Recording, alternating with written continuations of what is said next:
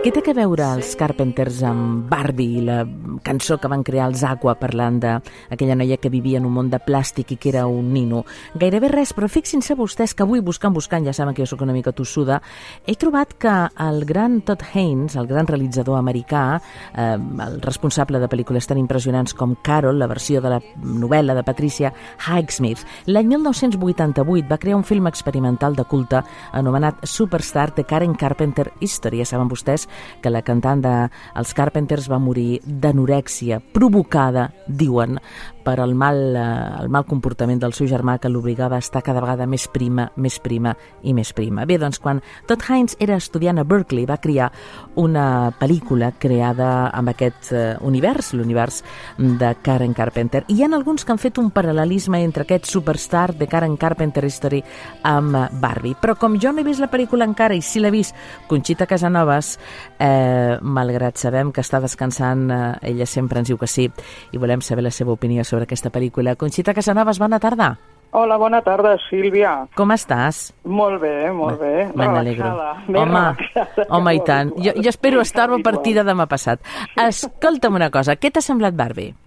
Doncs ara que t'estava escoltant, mira que jo establiria un paral·lelisme amb Pinocho. Què dius? Ara t'he deixat de pedra, eh? Doncs sí. Però és que en aquesta Barbie també hi ha un homenatge a la creadora d'aquesta nina que va sortir al mercat per primera vegada a finals dels anys 50, crec que era el 1959, la primera Barbie, i, eh, clar, no poden fer un cameo perquè Ruth Harlan, la creadora, doncs és morta, però sí que li han fet com, com un homenatge, no?, i parlen, clar, de la creació també, no?, de, de donar vida a, a un ser inanimat, en aquest cas, no?, i a mi m'ha fet pensar en Pinocho. Uh, aquesta Barbie, el que m'ha sorprès és que no és un, un innocent biòpic de la, de la famosa Nina, sinó que realment és allò una fletxa enverinada i feminista que llança amb molta intel·ligència a Greta Gerwig, la directora.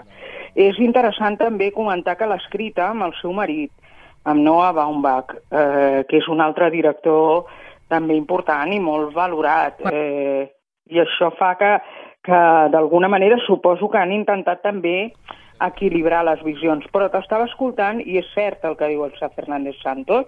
A mi també em va semblar que era una pel·lícula inesperadament feminista, uh -huh. perquè jo no me l'esperava així, no m'havia informat tant de la pel·lícula o ho han mantingut també bastant en secret, per, jo crec, eh, per, per fer un efecte sorpresa, però eh, sí que, que estic d'acord amb ella en que la visió que dona és una mica complaent, eh?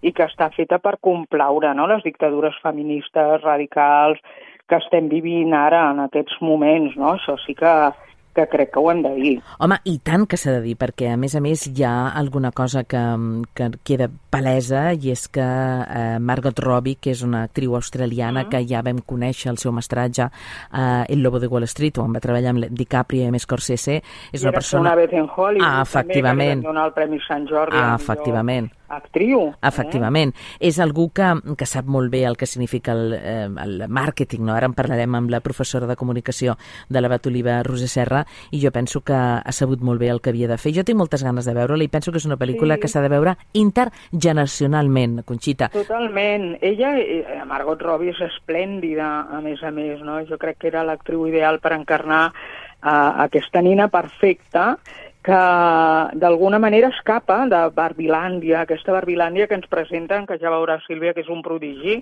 la sanificació que, que han muntat, i ella se'n va de Barbilàndia, se'n va al món real, fa una escapada al món real, i per això jo et parlava també de Pinocho, i fa una escapada al món real perquè de cop es troba que, que té peus plans, que té cel·lulitis, i se'n va Com totes. Arreglar-ho, perquè uh, no pot ser això. Clar. Elles han creat un món perfecte on fins i tot tenen una presidenta. Per exemple, la dona mana i, i Ken allà està al seu servei, com un gosset, no? Eh, el Ken, Conxita, eh, que encarna Ryan Gosling, Escolta'm, no? demà, demà no tenim més temps ara, demà, demà parlarem profundíssimament, demà exacte, demà parlarem profundíssimament d'aquesta Barbie però veuràs que aquesta Barbie, que és un cant a la maternitat i a la creació, en el fons dels fons, està destinada a ser la pel·lícula de l'estiu i la pel·lícula més rosa d'aquest estiu. N'estic segura. Tot en color rosa meravellós. N'estic segura. Jo vull que, per tocar la moral, ja saps que sempre vaig contracorrent, vaig a color verd, eh, eh, eh, Zelensky, com han dit avui a la redacció. Eh? Tu, Així, doncs... tu sempre vas pel davant, Sílvia. No, no sé si vaig pel davant. vas pel davant. No sé si vaig pel davant, però rosa no.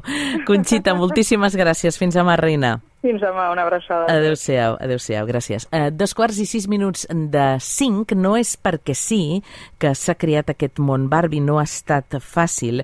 L'any 1988, com els deia Todd Hines, va fer aquesta pel·lícula pensant en una dona que mora intentant ser perfecta o obligada a ser perfecta, en aquest cas parlem de Karen Carpenter, dels Carpenters, però l'any 2018 l'israelià Inion Kreitz es va convertir en el quart CEO de Mattel i sabia que si volia continuar en el seu lloc, havia de trobar la forma de revitalitzar la companyia de joguets i es va posar en contacte amb eh, una companyia cinematogràfica que van pensar en Margot Robbie perquè ella fos la mm, Barbie de carn i ossos. Roser Serra és professora de comunicació de la Universitat Abaturiva i la tenim en antena. Professora Serra, bona tarda. Hola, bona tarda. Com està? Gràcies per acompanyar-nos. Professora, des de que s'ha sabut que avui eh, s'estrenava Barbie, fixi, fixi com són les coses, eh, hi ha un èxit i hi ha moltes ganes de tenir Barbies a casa. Eh, estan esgotades, s'estan comprant, hi han models destacats que es poden trobar a Amazon, i ja dic directament allò que no ho poden trobar, i que és molt difícil, hi ha una quadra immensa, perquè sembla que tothom vol tenir una Barbie altra vegada, no? Eh, què està passant, eh, professora Serra? Com ho llegeix vostè? Um, bé, com, com tu dius, uh, el fenomen Barbie uh, ha portat el que es denomina la, la marea rosa, que ha, que ha inundat tant uh, el món real com el món virtual. Per descomptat, uh, tot està ben lligat per una estratègia de màrqueting que està ben pensada. Podríem parlar de dues situacions. Primera, podríem parlar des, de, des del punt de vista de la pròpia pel·lícula, el màrqueting que ha fet la pel·lícula. Uh, com bé has comentat, la Margot Robbie és l'actriu uh, protagonista. De fet, per fer aquesta pel·lícula és l'actriu més ben pagada de Hollywood. Uh -huh. Però a part d'això, també uh, la Margot Robbie també és productora en aquesta pel·lícula. Llavors, el que ella ha fet molt intel·ligentment és uh, la Barbie de la pel·lícula és portar-la en el món real. És a dir, és una mica la, el mirall aquest de la, de la pel·lícula, de la història de la pel·lícula, que és que la Barbie surt del seu món fantàstic i apareix en el món virtual, pues la Margot Robbie ho ha fet d'aquesta manera. Com ho ha fet? Doncs tots els, els estilismes característics de la Barbie, ella, per exemple, els ha lluït, on, uh, on ha fet, per exemple, les premiers, el que és la, la, la catifa vermella. També, per exemple, l'hem vist en el seu dia a dia vestida de, de Barbie. Llavors, ella, el seu personatge, l'ha portat a la vida real. Això què ha fet? Que llavors ha creat aquesta proximitat, diguem-ne, entre el món fantàstic de la Barbie i les persones que formem part de, de la societat actual. Després hi ha una altra vessant, diguem-ne, una altra situació, que és la unió de, de dues marques, és a dir, de la pel·lícula amb altres marques. El que en el món del màrqueting coneixem com uh, co-branding. Uh -huh. Llavors, què significa això? Que hi ha marques de moda, com per exemple Gap, com Primark... O, o Valentino, de... eh? Valentino ha creat avui mateix una línia especial pensant en Barbie, o Zara, per exemple, que jo m'he quedat oh. absolutament esturada, perquè, és clar, perdoni, Barbie, com, com bé es diu i moltes vegades també s'utilitza d'una manera absolutament despectiva, és un, un, un, un tallatge i una, i una fisiologia femenina que és gairebé inabastable si un no té 20 anys. No sé si m'estic explicant. Així doncs que, esclar, Zara ha fet una línia, avui Valentino presenta una col·lecció, és, és impactant, professora. És, és impactant. I, I a més, què passa? Que Inditex, com sempre, fa un pas més enllà. I en el cas de, de Zara, ells han fet una col·lecció càpsula de Barbie, però en aquesta col·lecció veiem talles grans, veiem també models de diferents orígens. És a dir, marxem de l'estereotip de la Barbie de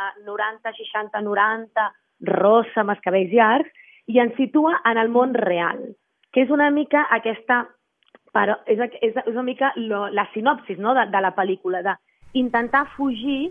Dir, jo crec que aquesta pel·lícula ha sorprès molt perquè la gent, imagino que si s'esperava doncs, entrar en el món eh, material de la Barbie i que llavors la Margot la veien com la típica actriu amb, um, de Hollywood, rosa, guapa, que queda ben pantalla. però ha donat un pas més enllà.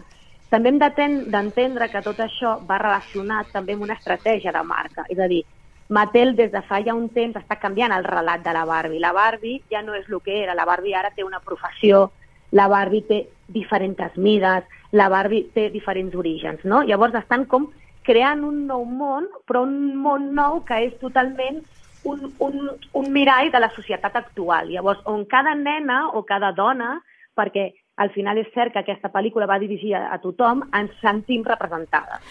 Doncs escolti'm, esperarem a veure Barbie, aquest cas d'èxit a màrqueting de continguts, de Nina a omplir... Escolti'm, a París, per exemple, en el, en el pasquí eh, de, de, la, de la pel·lícula podem llegir ella pot fer qualsevol cosa, ell només és Ken, no? En una clara al·lusió sí. que ella és una dona i ell és un home que ha aixecat eh, polseguera a la societat francesa. Així doncs que veurem què és el que succeeix. Sí, és veritat, com ho deia molt bé, que Margot Robbie ha estat una persona molt, molt intel·ligent, és una dona molt preparada, molt. australiana, eh, molt capaç molt. i a més a més molt pragmàtica, i va ser ella la que va convèncer Ryan Gosling perquè fes, fes de Ken, que ja diuen, avui ho deia el Variety als Estats Units, que la seva interpretació de Ken és tan absolutament sorprenent ah, que sí. eh, ja sona als Oscars, imaginin, eh? Perdó, que és meravellosa. Sembla ser que sí. Hi ha, hi ha una anècdota que diu que durant tot el rodatge eh, ella cada dia li va prometre si fas aquest paper t'enviaré un regal cada dia en el rodatge. I es Caram. veu que cada dia ell rebia un regal de la Margot Robbie, que era de Barbie a Ken. Doncs... Llavors és aquest empoderament també de sí, la tant, dona, no? de, de que, que la sí. dona decideix i, i, i és la dona qui fa regals, no? I tant que I, sí. I de rebre. I tant que sí, doncs a veure si hi ha algú que fa aquest exemple. També ens agradaria rebre a nosaltres regals, eh? Cada vegada que fem la ràdio. Això doncs que a veure que si algú fa aquest exemple. Gràcies, professora. Bona tarda i bon estiu. Gràcies. A vostè, bona tarda. Adéu-siau.